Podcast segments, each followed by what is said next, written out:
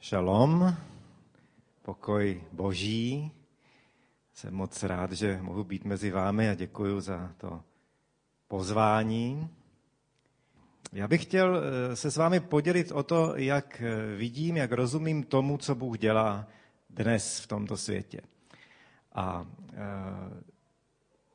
budu často se vracet k tomuto verši, který už jsme tady jednou četli na počátku, Kvůli Sionu nezůstanu mlčet, kvůli Jeruzalému neutiším se, dokud jeho spravedlnost nevzejde jako rozbřesk, jeho spása nevzplane jako pochodeň. Trošku jiný překlad, ale eh, vyjadřuje to totéž. Mimochodem, tady vidíte, kdo byl první sionista. Protože hospodin tady deklaruje, že se bude zajímat, zasazovat o Sion a o jeho prospěch, o jeho spasení. A e, já chci ze svých zkušeností a z toho, jak rozumím písmu, e, ukázat, e, že to, co se děje v posledních 50-60 letech na Blízkém východě, je něco, co vyhlíželi celé generace před námi byli takoví eh, i v české reformaci eh, už v 16. 17. století. Byli lidé, kteří předpovídali, že Bůh opět schromáždí svůj lid do jeho země a bude s ním jednat. A tehdy to vypadalo jako naprostá utopie. A my dnes žijeme v době, kdy se naplňují boží slova, naplňují proroctví. A přesto to zdaleka ne každý vnímá. A já myslím, že to tomu všichni rozumíme, protože k tomu, abychom viděli, co dělá Bůh, potřebujeme nejenom ty naše přirozené oči, ale potřebujeme, aby Bůh otevřel oči našich srdcí. A to je moje modlitba, aby Bůh otevíral oči našich srdcí, abychom viděli to, co On dělá, abychom rozuměli tomu, co On dělá. Ať už je to skryté, anebo je to zjevné všem a přesto tomu nikdo nerozumí tak eh, myslím si, že Izrael je jeden z takových dobrých příkladů toho, jak lze vidět Boží ruku v dnešní době. Ale eh, musíme začít u definice. Když se řekne Izrael, různým lidem se vybaví různé věci. Kdo z vás byl v Izraeli? No výborně, tak tady je celá řada rukou, takže vy už určitě máte svou představu.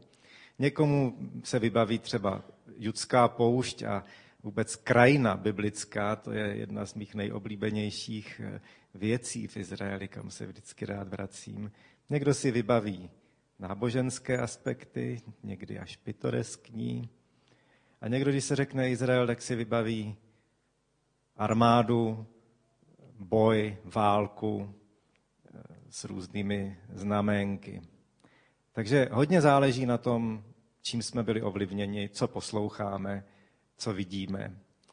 Ale protože my jsme křesťané a apoštol Pavel nás vyzývá k tomu, abychom se nepřizpůsobovali tomuto světu, nepřizpůsobovali svoje názory a svoje mínění tomu, co řeknou v televizi nebo napíšou v novinách, nýbrž abychom se každý den proměňovali obnovou své mysli.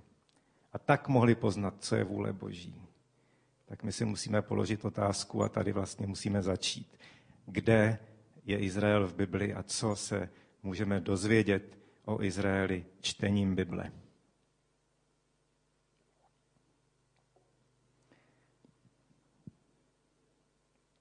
Kde pak se Izrael poprvé v Bibli objevuje? Nemyslím jako jméno nebo slovo, ale vůbec eh, první boží jednání, které bychom mohli říci, že je spojeno s Izraelem.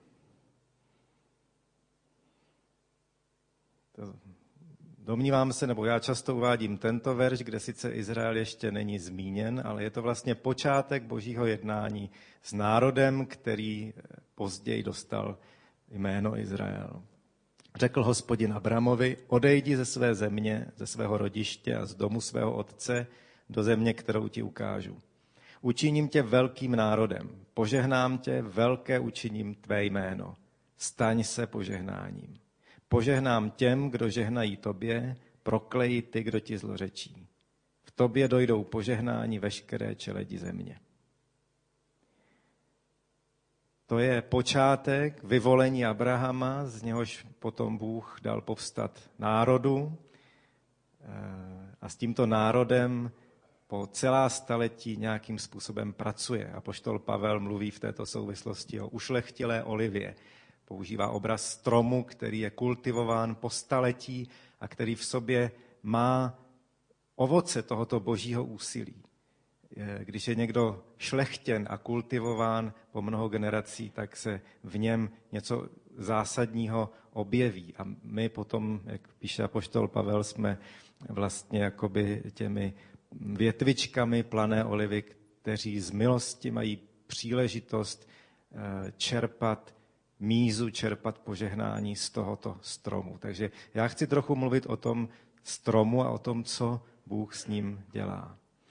A všimněme si, že když hovoříme o vzniku Izraele, tak vlastně nám jako křesťanům by to mělo být eh, nějak povědomé, protože eh, ten národ nevznikl přirozeným způsobem, jako všechny ostatní národy, které se rozmnožily po zemi po potopě. Nýbrž počátkem byla boží iniciativa. Počátkem bylo boží slovo. Řekl hospodin. A možná, že mnozí z nás mají v životě taky takový jeden počátek, když k nám Bůh promluvil. Když jsme uslyšeli boží slovo, které má moc změnit. A pak je tady ta výzva vyjdi ze svého domu, ze svého rodiště, ze své příbuznosti. Eh, je to výzva k následování, výzva k poslušnosti. A Abraham poslechl boží hlas. I v tom má Izrael ve svém samotném genetickém začátku, řekl bych, zakodováno něco, co nám, křesťanům, musí být důvěrně známé. Jestliže my jsme neuposlechli Božího hlasu a nevyšli za ním, tak asi bychom tady dnes neseděli. A vidíme, že eh, je řečeno i něco dalšího, že Bůh má s Abrahamem plán, má plán pro jeho život, má plán pro jeho potomstvo a ten plán se dá nazvat slovem požehnání. Abraham byl vyvolen k tomu, aby se stal požehnáním, aby se stal nástrojem, skrze nějž Bůh bude žehnat dalším. A i toto je nám povědomé. Bůh i s naším životem má svůj plán a povolal nás k tomu, abychom vstoupili do toho, co On nám připravil. A abychom tím se stali požehnáním pro druhé a svědectvím jeho slávy. Takže vidíte, že Izrael je duchovní entita. Kromě toho, že to je národ, tak jako ho vidíme, tak v samém základu jsou takové věci, které eh, se velice bytostně podobají naší vlastní duchovní zkušenosti. A proč byl Abraham vyvolen? Už to tady bylo řečeno. V tobě dojdou požehnání všechny čeledi země. Už když Bůh pohlédl na Abrahama, tak měl na mysli spásu celého světa. Tento plán záchrany nepřišel až když Ježíš se narodil do, v Izraeli, do tohoto národa, ale tento plán měl Bůh od počátku. Už když vyvolil Abrahama, eh, věděl, že vznikne národ, kterému dá určité území a že až se naplní čas, tak přijde ten, který naplní toto slovo a požehnání se roznese do celého světa. Eh, Ježíš to pak komentoval, že Abraham viděl jeho den a radoval se. Takže od, už od Abrahama byl boží plán eh, připraven. A to je, má důležitý důsledek, protože to znamená, že Izrael není vyvolen jenom sám kvůli sobě, nebo že by Bůh si chtěl někde po straně dělat nějaké svoje soukromé dílo. Izrael, sama, sám důvod existence Izraele v tomto světě je spasení světa. Skrze Izrael může přijít požehnání do celého světa a Bůh má svůj plán, který naplňuje a my žijeme v době, kdy vidíme už velkou část tohoto plánu realizovánu. To, že požehnání v Pánu Ježíši Kristu přišlo do celého světa, je možné díky tomu, že tento boží plán je úspěšný. A když se díváme na Abrahama, díváme se na začátek tohoto plánu. No a jak víme, tak eh, je tady ještě jedna okolnost, která platila v dobách biblických a která, když se rozhlédneme, vidíme, že platí stále. Bůh má své protivníky, Bůh má nepřítele, který se snaží zmařit jeho plány. A často si používá lidí, kteří eh, vyjadřují to, k čemu je ten nepřítel přiměje. A eh, v dějinách to bylo vždycky tak, že ostatní národy, okolní národy, svým vztahem k Izraeli vlastně také nějak vyjadřují svůj vztah tomu božímu plánu, svůj vztah k požehnání a ke spáse, kterou Bůh chce přinášet do světa. Tento úryvek z Žalmu 83. je starý několik tisíc let a přesto byste mohli říct, že vznikl eh, v tomto roce třeba, že takovéto eh, výrazy, takovéto výroky můžete slyšet v televizi nebo číst v novinách. Bože, nebuď sticha, nemlč, Bože, nezůstávej v klidu. Hleď, jak tvoji nepřátelé hlučí, kdo tě nenávidí, pozvedají hlavu. Kují proti tvému lidu tajné plány. Radí se proti těm, které skrýváš. Pojďme, praví, vyhlaďme je, ať národem nejsou, ať se nikdy jména Izraele ani nevzpomene. Výroky o tom, že Izrael musí být vymazán z mapy, že nemá právo na existenci. Není jiný stát z těch 180 zemí OSN, o jehož existence, samotná existence by byla spochybňovaná. Jenom jediný stát na světě, o kterém se už veřejně mluví, že by měl přestat existovat, ať se jméno Izraele ani nevzpomene. A ti, kteří to propagují, jsou tady nazváni, že nejsou nepřáteli Izraele, ale to jsou nepřátelé boží. Hleď, tvoji nepřátelé hlučí. Takže ten, kdo se pozvedá proti Izraeli, nějakým způsobem demonstruje svůj e, duchovní stav. A s tím kontrastuje samozřejmě boží postoj, který o Izraeli říká, to známé slovo, kdo se vás dotýká, dotýká se zřítelnice mého oka. A pak znovu to, co už jsme říkali, že Bůh horlí pro Sion, že má svůj plán, který se týká Izraele, Jeruzaléma, Sionu. Ta slova se tady používají víceméně jako synonyma, znamenají to tež, jinak původně geograficky Izrael je území na Blízkém východě, Jeruzalém je město v, tomto, v centru tohoto území a Sion je hora v centru Jeruzaléma. To místo, které je jakoby nejsvětější.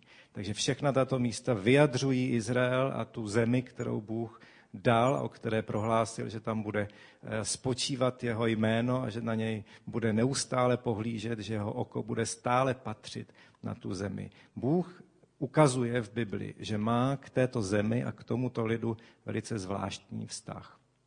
A proto každý, kdo povstává proti tomuto lidu, se musí utkat s hospodinem. Byli mnozí, kteří chtěli vytvořit takzvané konečné řešení židovské otázky, ať už to bylo ve starověku, kdy eh, o tom je eh, zapsáno v knize Ester, kdy Haman chtěl zlikvidovat všechny židy, ať už to bylo v minulém století, kdy povstal jiný Haman, který také chtěl zlikvidovat všechny židy. A přesto, kde jsou tito nepřátelé a kde je boží lid, ten tady přetrval od starověku až do dnes. Už to samo o sobě, že Bůh eh, udržel Izrael eh, jako starověký národ až do dnešní doby, je eh, jedno ze znamení boží ruky, boží, božího jednání. A aby nevznikl mylný dojem, že Izrael je nějaký svatý, lepší než ostatní a tak dále, tak eh, stačí se podívat do Bible, abychom viděli, že Bůh od počátku s Izraelem jedná a je v tom takový důležitý princip, že to, co Bůh dělá s Izraelem, není odpověď na zásluhu Izraele. Vzpomeňme, že už na počátku, když vlastně ten praotec, jehož jméno bylo změněno na Izrael, se narodil jako Jákob, ten, co drží zapatu. Že? A byli dva, Ezau a Jákob, kteří se narodili úplně stejně a ještě dřív, než mohli něco udělat, tak Bůh si jednoho z nich vyvolil a druhého zavrhl. A vyvolil si toho, kterého my bychom si nikdy nevyvolili. Ezau byl zodpovědný, silný, válečník, člověk, který je uspůsoben přímo k tomu, aby vedl ten kmen. Jákob byl tichý, ús, úlisný, eh, kde koho podvedl, rozhodně jeho charakter nebyl zářivý, my bychom ho vyřadili. Prostě by nás ani nenapadlo, že by s ním se dalo něco dělat. A přesto Bůh ukázal na něj. A tak je to v celých dějinách Izraele. Nečiním to kvůli vám, izraelský dome, nýbrž kvůli svému svatému jménu. A vy jste to jméno znesvěcovali mezi národy, kamkoliv jste přišli. Izrael se mnohokrát nechoval tak, jak se má chovat. A v Bibli jsou za to také zmíněny velice kruté tresty. Když si čtete eh, třeba pátou Mojžíšovu a čtete si, co všechno Izrael postihne za to, že eh, nebude poslouchat svého Boha, tak eh, to jsou opravdu strašlivá slova. A my, ve dva, když se díváme na 20. století, tak vlastně si umíme představit, že právě tehdy se to naplnilo v tom nejstrašnějším, nejstrašnější formě všechny ty věci, o kterých je tam řeč. Takže Izrael málo kdy byl takovým světlem, kterým měl být. Ale hospodin jedná navzdory tomu. A to je jedna z těch fascinujících věcí na božím plánu. A jedna z věcí, které musíme porozumět, chceme-li rozumět tomu, co dělá Bůh ve světě a chceme-li rozumět tomu, co dělá s Izraelem. A konec konců i tomu, co dělá s námi. Bůh má svůj plán.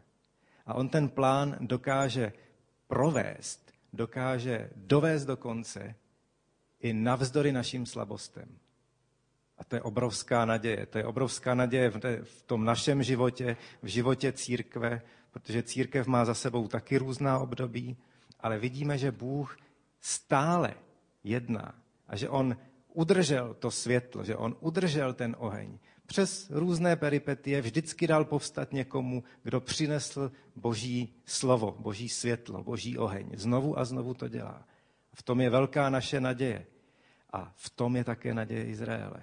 Protože Bůh má svůj plán a nenechá se od něj odradit ani tím, když my nejsme dokonalí, když my selháváme.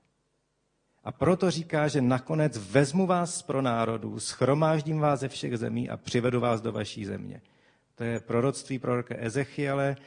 Eh, kousek dál je známé místo, známý obraz údolí suchých kostí, který také mluví o tom, jak Izrael je schromažďován znovu do země, ze které byl rozptýlen. Důležité je, že to Bůh dělá ne pro jejich zásluhu, ne proto, že by ten národ činil pokání, a náhle byl hoden toho, aby s ním Bůh začal zase jednat. Takže to by několik z principů, které můžeme z Bible e, vyčíst o tom, jakým způsobem Bůh s Izraelem jedná. Je jasné, že je to národ, který povstal z jeho vůle. Je jeho důvodem, důvodem jeho existence je to, aby Bůh mohl požehnat celému světu. Je jakoby nástrojem, skrze nějž Bůh dává spásu do světa. Vztah ostatních národů odráží jejich vztah k Bohu a Bůh jedná podle svého plánu a ne podle zásluhy, zásluh Izraele.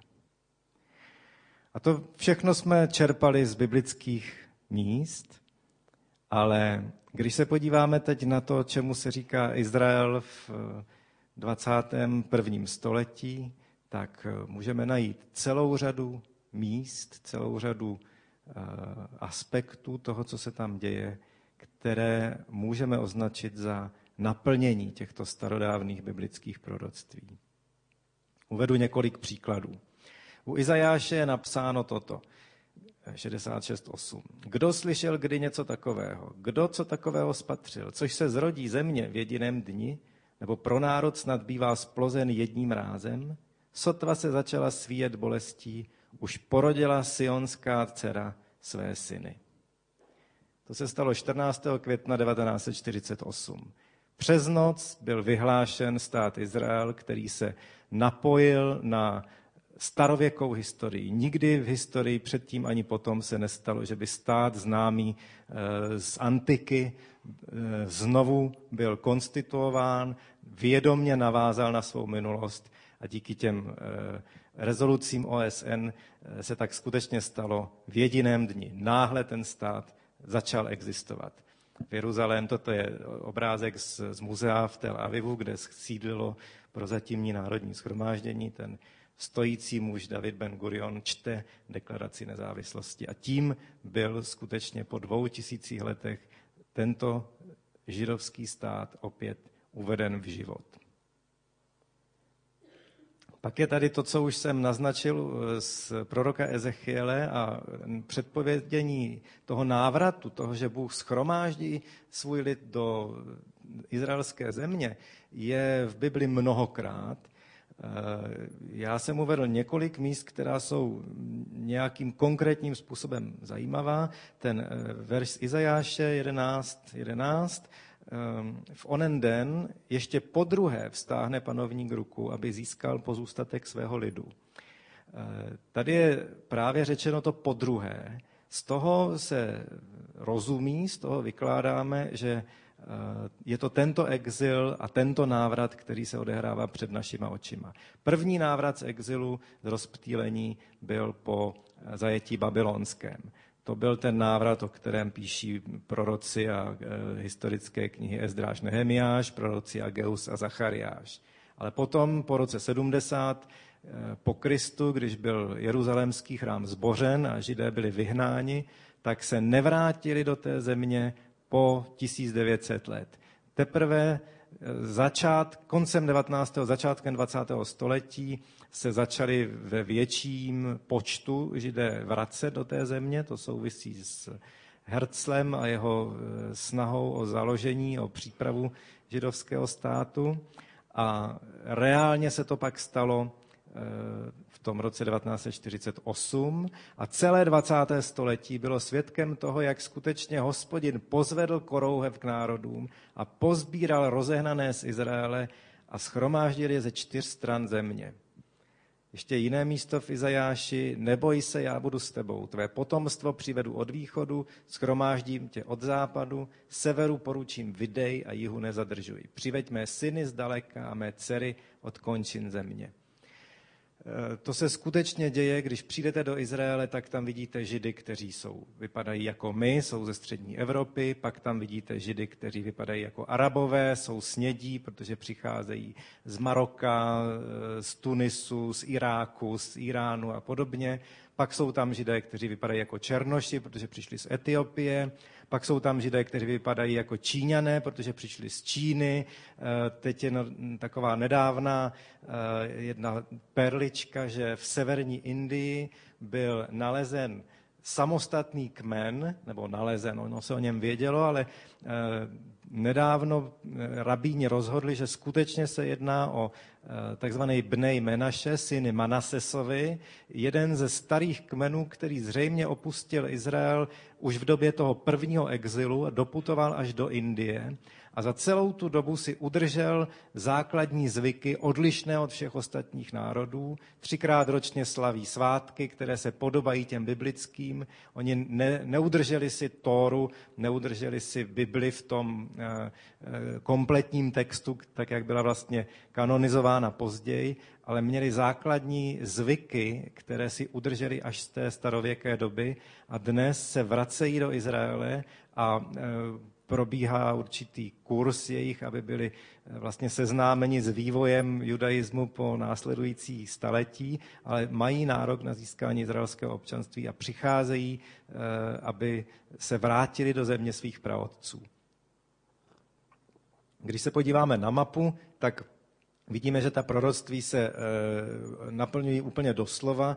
Třeba na sever od Izraele je e, bývalý sovětský svaz a to byla země, ve které žilo mnoho milionů židů, ale nemohli se o tamtu dostat, až jednou panovník severu poručil Videj. Sovětský svaz se rozpadl a během několika let přišlo víc než milion rusky mluvících židů do Izraele kteří značným způsobem zamíchali demografickou situací a eh, důsledkem toho je, že pokud jste se učili tady ve škole rusky a ještě jste to nezapomněli, tak v Izraeli si to můžete dobře procvičit, protože tam po angličtině a hebrejštině je ruština nejčastěji mluvenou řečí a často se vám může stát, že eh, vaše znalosti vám přijdou k užitku. Eh, také ICEI se účastní pomoci těm novým přistěhovalcům. Tady máte dva obrázky, jak to vypadá, když přijíždějí, když eh, vlastně jsou první hodiny na izraelské půdě a eh, ohromně jim pomůže, když je někdo přivítá, když jim dodá, je povzbudí, dodá jim naděje A můžu říct, že za ta léta jsme tímto způsobem pomohli deseti tisícům židů dostat se do Izraele a mnozí z nich v průběhu toho, jak cestovali, jak byli přijati, se setkali s křesťany, s jejich laskavým přijetím a s jejich svědectvím o tom, že eh, my víme, že je to boží ruka, která je eh, tímto způsobem vede. Takže věřím, že mnozí z nich si tuto pečeť nesou v životě sebou dál a můžeme se také za ně modlit, protože i toto setkání může být pro ně důležité. Bible mluví ještě o dalších aspektech toho, co se bude dít, až se ten lid začne vracet. Úděl Izraele svého lidu změním. Znovu vybudují spustošená města, osídlí je, vysadí vinice a budou z nich pít víno. Založí zahrady a budou z nich jíst ovoce. Zasadím je do jejich půdy a již nikdy nebudou vykořeněni ze své země, kterou jsem jim dal. Praví hospodin tvůj Bůh. Prorok Ámos. A e, historici říkají zvláštní věc, ta izraelská země a izraelský lid patří k sobě. A kdykoliv nejsou pohromadě, tak trpí jak ten národ, tak ta země. Národ trpí, to je zřejmé, když musí žít v exilu, v rozptýlení, v diaspoře, ale země trpí také. V době, kdy tam Izrael nebyl, tak země pustla. Eh, na území Izraele nebylo žádné centrum, žádné jiné říše. Nikdy. Nebylo tam ani hlavní město, ani správní středisko. Žádné říše, která ovládala tu oblast. Ani egyptské, ani turecké, ani jiné islámské. Nejbližší správní středisko bývalo v Damašku a ještě v polovině 19. století jste eh, nenarazili na žádnou slušnou cestu. Jeruzalém bylo úplně opuštěné město, kam nevedla pořádná silnice, což dosvědčuje třeba eh, cestopis Marka Twaina, který tam byl někdy v roce 1854 a trvalo mu asi tři dny, než z pobřeží těžko doklopítal do Jeruzaléma. Země pustla, také třeba proto, že Turci, když tam vládli, ustanovili daň ze stromů tak si umíte představit, jaký to mělo důsledek na eh, zalesnění nebo odlesnění, protože kdo by platil peníze, tak ty stromy radši pokácel. Ale když zmizí stromy, tak se šíří poušť. A tam se šířila poušť, tak jako se šíří na jiných místech světa a eh, ta země nebyla ničím atraktivní, dokud nepřišli židé a nezačalo se tam dít toto. Ta země doslova kvete před očima a e, v 20. století existuje pouze jedna země na světě, ve které přibylo stromů. A to je Izrael. Všude jinde nebo na mnohých místech buď se kácejí deštné pralesy, anebo v těch polopouštních oblastech se rozšiřuje poušť tím vypásáním trávy a tak dále. Izrael je jediná země, kde přibývá zeleně, protože je zatím obrovské nekonečné úsilí Izrael vysázel už 100 miliony stromů. Eh, má to dobrou tradici, ještě v 19. století vznikly sbírky po celém světě na sázení stromů a kupování půdy. No a protože ta půda je často opravdu eh, velice suchá, je to na hranici pouště, tak Izraelci vymysleli systém zavlažování po kapkách, Stromy sázejí nejprve do takového igelitového pytle, aby ty kořeny si tu vodu udržely, aby ta voda okamžitě neutekla do pouště. A teprve, když později zakoření, tak prorazí a můžou normálně eh, žít dál. Takže si poradili. Poradili si tam, kde si jiní neporadili. No proč? Protože jiným na té zemi nikdy nezáleželo. Ti tam prostě neměli celkem co pohledávat, bylo tam pouze pár chudých lidí, kteří se tam udrželi v několika chudých vesnicích a teprve po příchodu Židů začala země vzkvétat. A mimochodem, což je také důležité pro ten konflikt, teprve po příchodu Židů tam začali přicházet ve větším také Arabové. Takže ti Arabové, kteří tam žijí dnes, tam žijí přibližně stejnou dobu jako Židé, kteří sem při, začali přicházet od 19. století. A země skutečně kvete. A můžete to, někteří Židé to opravdu berou tak doslova. E, viděl jsem třeba vinici vysazenou v Samaří a u toho byla velká cedule, tak jako tady máme ty tabule označující, že tento projekt financuje třeba Evropská unie nebo něco podobného, tak tam je cedule s citátem z proroka Izajáše nebo Jeremiáše to bylo v tomto případě. Opět budou sázet vinice na Samarských horách a budou z nich sklízet a budou pít víno a už je nikdy nevykořením z jejich země. Takže ti, kteří eh, mají boží slovo v úctě mezi Židy, tak ti, eh, to jsou lidé, s kterými bychom si hodně rozuměli, ti skutečně jsou eh, lidmi, kteří vidí, co se děje a kteří vidí v tom boží ruku. A když jedete do Izraele, tak řadu těch věcí můžete vidět. Ovšem pak jsou ještě věci, které vidět nemůžete, anebo ne tak snadno. A ani nemám obrázek, abych to ilustroval, ale přesto je to velice důležitá součást toho, co Bůh dělá. Eh, po té obnově fyzické eh, musí přijít obnova duchovní. Podobně jako v tom údolí suchých kostí, nejprve se schromáždily ty jednotlivé části dohromady a byla to veliká armáda, píše prorok v tom vidění, ale všichni byli mrtví. Takže ještě něco chybělo. A pak řekl hlas hospodinův, prorokuj o duchu, ať vejde na tyto povražděné. A Ezechiel prorokuje a duch zavanul a všichni ti, co byli mrtví, ožili. A to je úžasný obraz, který věřím tomu, že eh, vyjadřuje něco, co se ještě tak úplně nenaplnilo.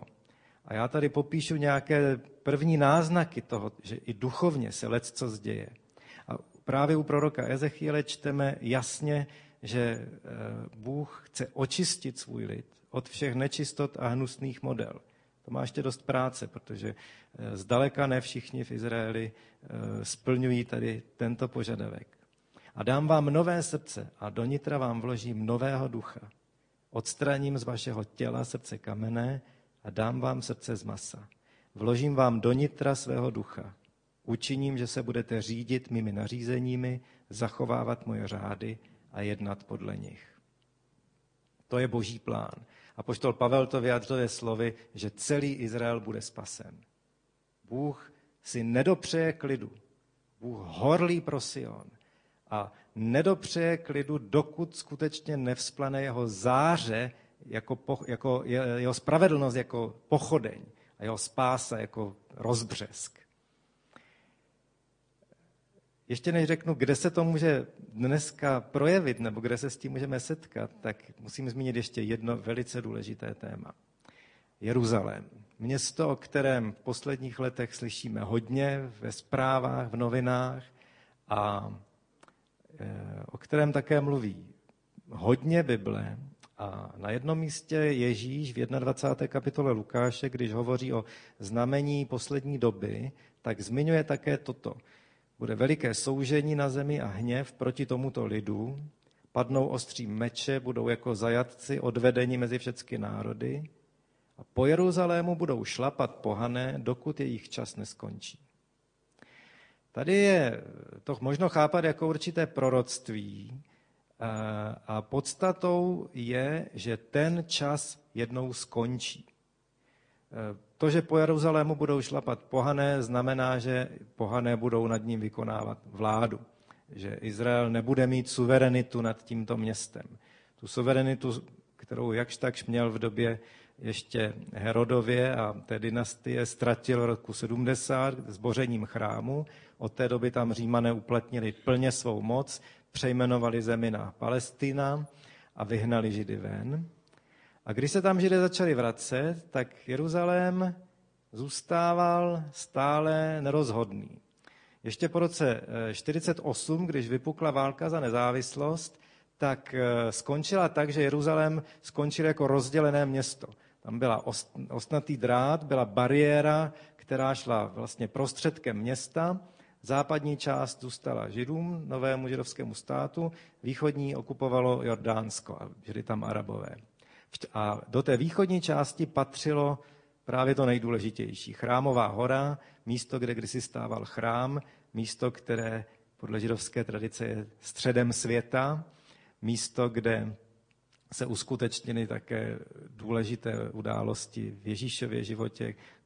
Kousek odtud byl ukřižován, pohřben a vstal z mrtvých. A toto místo stále nebylo v moci Izraele. Až přišla jedna válka, kdy Izrael varoval Jordánsko, aby se do ní nevměšovalo, protože bojoval s Egyptem a Sýrií, ale Jordánci toho nedbali a zaútočili právě v Jeruzalémě. A dopadlo to takto. 7. června 1967 izraelská armáda vstoupila na Chrámovou horu. Tady vidíte, že jsou před tou zdí nářku, západní zdí, a polní kaplan, vojenský rabín, troubí na šofar. Vidíte, že tady má v ruce eh, dvě, dva svitky Tóry, takže to skutečně mělo, bylo chápáno jako událost s náboženským dosahem. A bylo to skutečně poprvé po dvou tisících letech, kdy židé opět měli suverenitu, získali znovu vládu nad Jeruzalémem a nad tou jeho nejdůležitější částí. Asi víte, že mezinárodní společenství to dodnes neuznává. Izrael prohlásil Jeruzalém za své hlavní město na věky nedělitelné a ostatní státy na protest proti tomu se odstěhovali do Tel Avivu se svými ambasádami. Neuznávají to dodnes a přesně z téhož důvodu v roce 1980 vzniklo Mezinárodní křesťanské velvyslanectví Jeruzalém, aby křesťané, kteří to tak vidí a kteří rozumí tomu, co Bůh dělá, symbolicky dali najevo, že my věříme, že Jeruzalém je to místo, kde mají mít vládu židé, protože my to podporujeme jako výraz božího jednání. Že to je město velikého krále, město, do kterého se vrátí Ježíš, město, které bude eh, svědkem důležitých závěrečných událostí v dějinách spásy. A proto, aby se ty věci staly, je nutné, aby tam židé byli zpátky. Takže eh, pokud eh, podporujete i CEI, podporujete i tuto, tento nárok, boží nárok na město Jeruzalém. Zajímavé ovšem je, že po tom červnu 1967, kdy se toto stalo a kdy tedy bychom mohli slovy Ježíšovými říci, že nastal nějaké jiné období, že skončil ten čas pohanu v jistém smyslu, Věřím, že to neznamená to, že by už jsme my neměli šanci, to je úplně jiná kapitola, ale skončil čas pohanů v izraelské zemi a začalo se něco nového dít.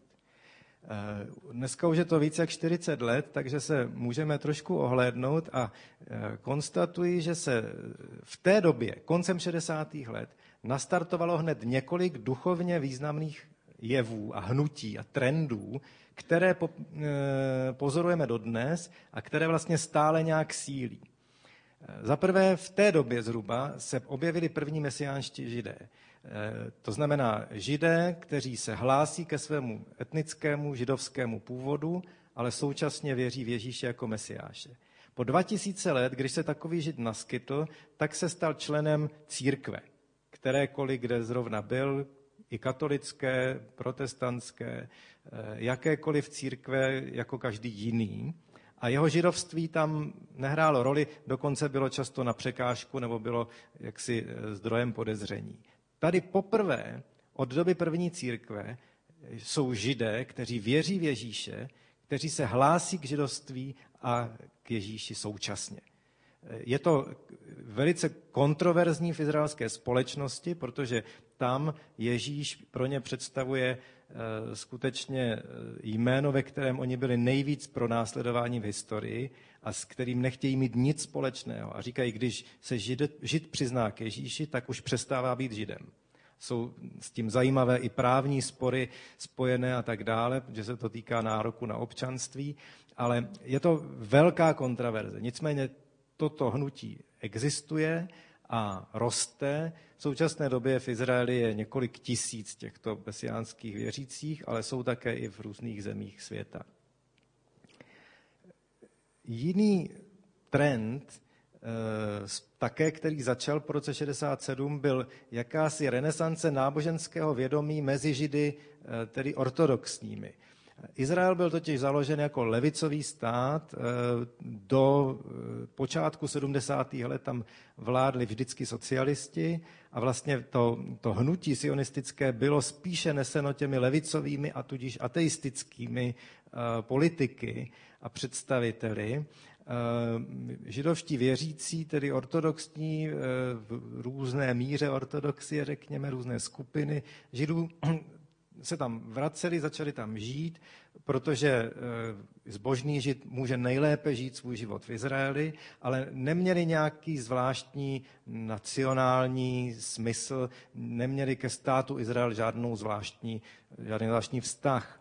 A to se změnilo po roce 67, kdy eh, masově ta skutečnost, že Izrael v té obrovské přesile dokázal se nejenom ubránit, ale zvítězit na všech frontách za šest dní a získat Jeruzalém, to prostě bylo zřetelně vnímáno jako zázrak v celé té společnosti. To se jinak prostě e, nedá nazvat.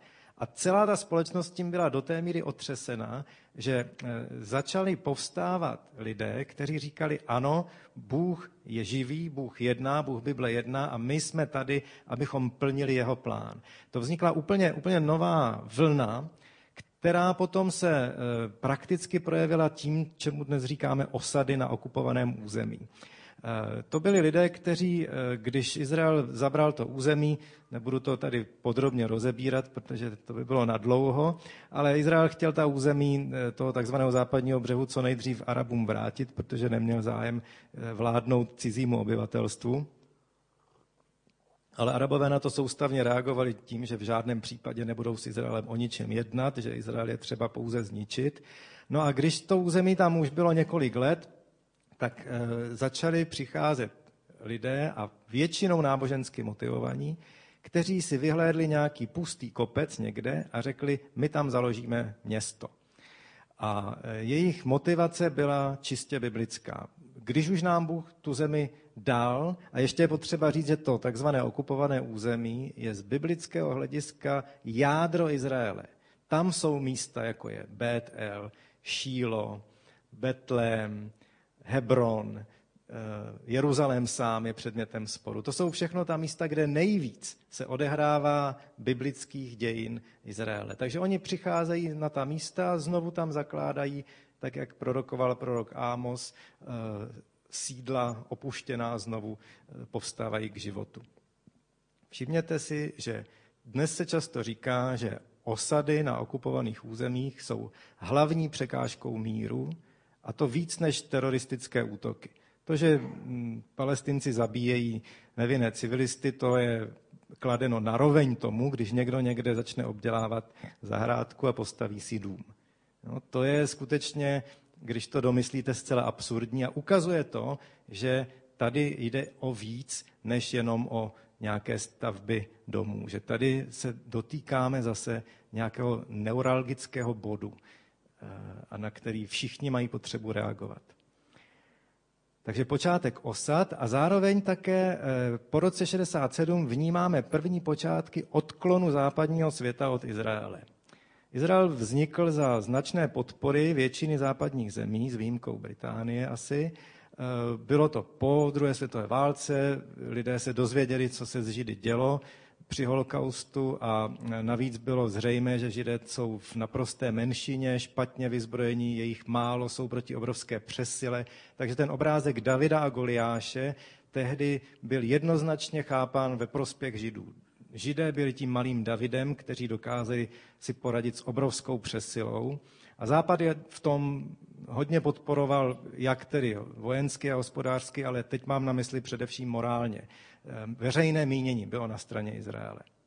A to se začalo obracet v 70. letech bylo to spojeno se změnou taktiky nepřátel, přišla ropná krize, přišly únosy letadel, přišly různé násilné akce po celém světě, které začaly ukazovat eh, těm zemím i západním, že když budou na straně Izraele, tak za to budou muset platit.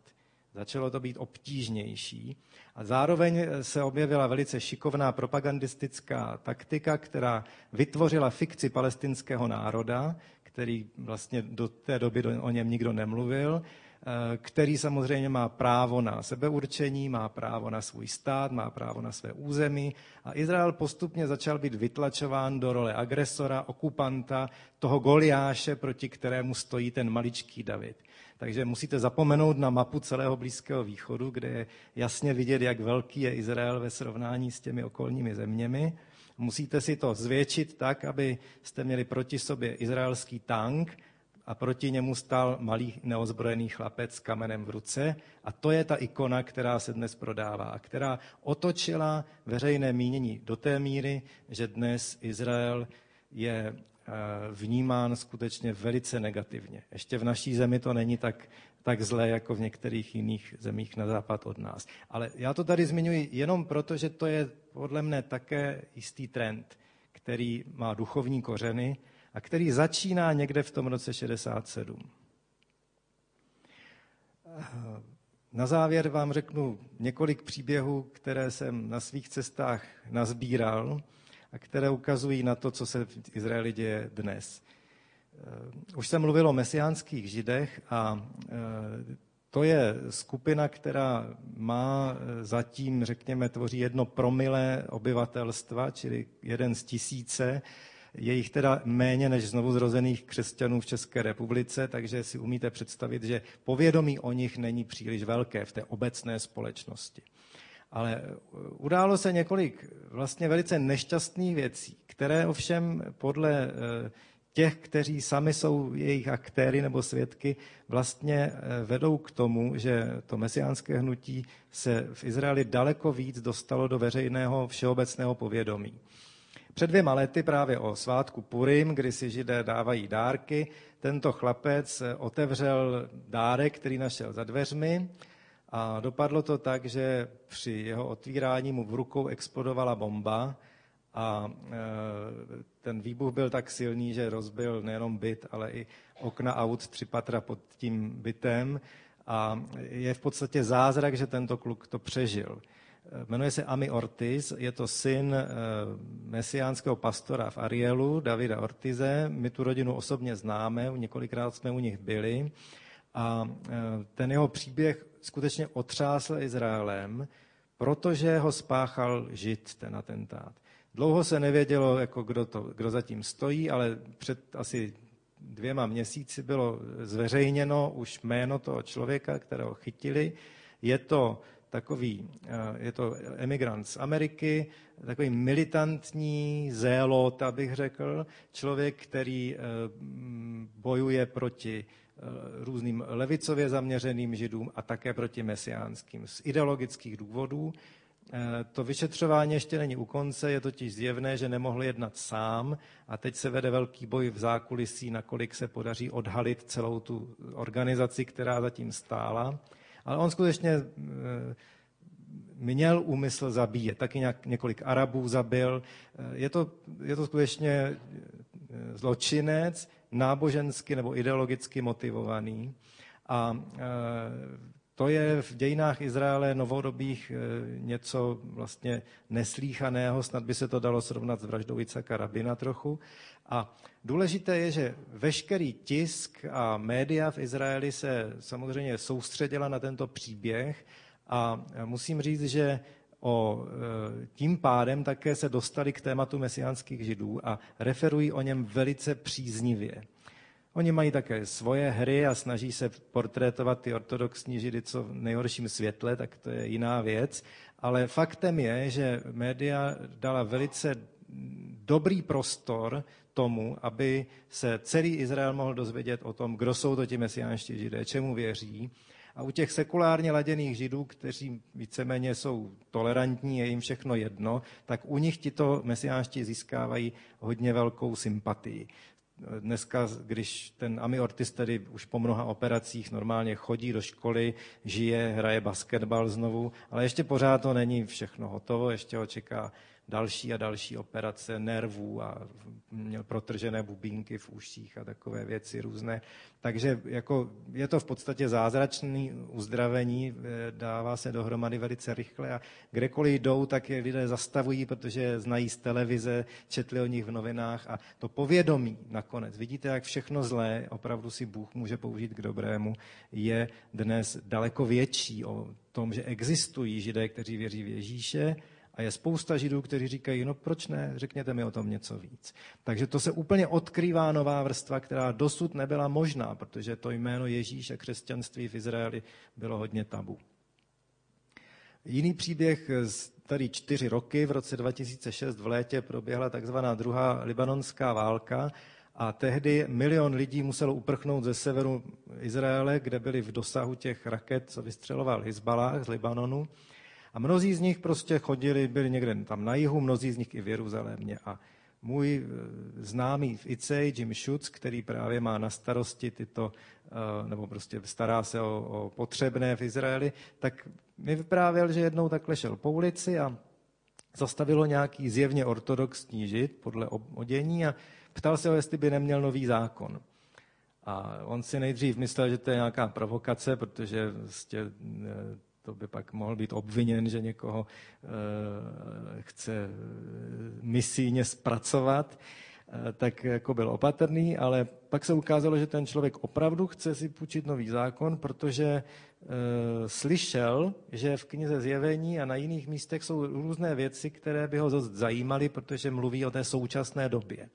No tak on mu dal nový zákon a pak se po nějaké době sešli znovu a ukázalo se, že milý bratr uvěřil v Ježíše a protože to byl představený náboženské školy v Tiberiadě, tak když se vrátil zpátky po válce, tak tam založil kroužek podobně naladěných a teď jsem se ptal minulý rok na podzim, jak to vypadá a zpráva zní, že ten kroužek se stále rozšiřuje a že ta práce pokračuje. Takže to je jenom malé, eh, malé zrnko toho, co Bůh skutečně dělá eh, a co často zůstává skryto. A pak je ještě jedna zpráva, tam mi přišla tento týden na mail, tak ji tady také mohu interpretovat. V Turecku se konala konference, které se zúčastnili arabové a židé, všichni věřící v Ježíše, arabové z mnoha zemí arabských, počínaje Tuniskem, Marokem, Libií, Egyptem, i ze Sýrie, i z Iráku a z Libanonu samozřejmě, z Jordánska, tam všude jsou znovu zrození křesťané a z Izraele tam přijela skupina 40 židů, dohromady tam bylo asi 200 lidí a e, četl jsem nádherná svědectví o tom, jakým způsobem Bůh láme hradby. Protože i když uvěří Arab a uvěří Žid, tak tím ještě nejsou automaticky odstraněny všechny ty hradby té nedůvěry a toho zranění, těch, těch historek, které si v těch rodinách vyprávějí, toho, co zažili, protože tam se odehrálo opravdu hodně bolestného, hodně násilí, hodně zlých věcí a to se nedá smazat jenom mávnutím proutku, ale Bůh dělá dílo uzdravení, jde do hloubky. A často právě na takových místech se ty lidé poprvé setkají vlastně. Najednou zjistí, že jsou bratři, sestry v Kristu a dokáží si odpustit, dokáží si sloužit vzájemně. A e, já jsem na takovém setkání přímo nebyl, ale znám jeden zbor v Haifi, kde se něco takového děje a řekl bych, že to je místo, kde se zjevuje boží sláva skutečně. Tam, kde židé a arabové se v Kristu dokáží obejmout, odpustit si a společně sloužit, tak to je něco, kde skutečně boží srdce se raduje. A to je, myslím, mírový plán pro Blízký východ, který skutečně bude fungovat. Eh, právě na té konferenci citují praky text Izajáše, který jistě znáte. V onen den povede silnice z Egypta do Asýrie, takže Asyřané budou chodit do Egypta, Egyptiané do Asýrie – a egyptiané budou uctívat hospodina spolu s Asyřany. V onen den vytvoří Izrael s Egyptem a Asýrií trojici, bude požehnáním uprostřed země, protože hospodin zástupů mu bude žehnat. Požehnán bude lid můj egyptský, dílo mých rukou Asýrie a mé dědictví Izrael. To je boží plán a každý, kdo počítá s nějakým plánem a nepočítá s knížetem míru, tak takový mírový plán prostě je odsouzen k zániku. Ale tento plán se naplní. Takže Bůh skutečně jedná, Izrael stále je měřítkem, je takovým duchovním kamenem úrazu, podle kterého se pozná postoj jednotlivých národů. A Izrael i dnes jedná, Bůh jedná i dnes Izraelem ne podle jeho zásluh, ale podle svého plánu, který naplní. Kvůli Sionu nebude mlčet, kvůli Jeruzalému se neutiším, dokud jako spravedlnost nevzejde, jeho spravedlnost nevzejde jako rozbřesk a jeho spása nevzplane jako pochodeň. jsme vděční Bohu, že můžeme žít v takové době a já vás chci také vyzvat k tomu, abyste se modlili za to, co Bůh dělá, abyste žehnali tomu dílu, které Bůh dělá, protože je to dílo, které přesahuje nás všechny a které ukazuje, jak eh, píše Derek Prince, že Izrael je ručičkou na božích hodinách. To dílo, které se tam děje, ukazuje, že ten čas už je blízko. Tak já bych vás chtěl vyzvat, abyste se na závěr modlili, kdo máte srdce, takže pojďme povstat a budeme se modlit. Já pak zakončím.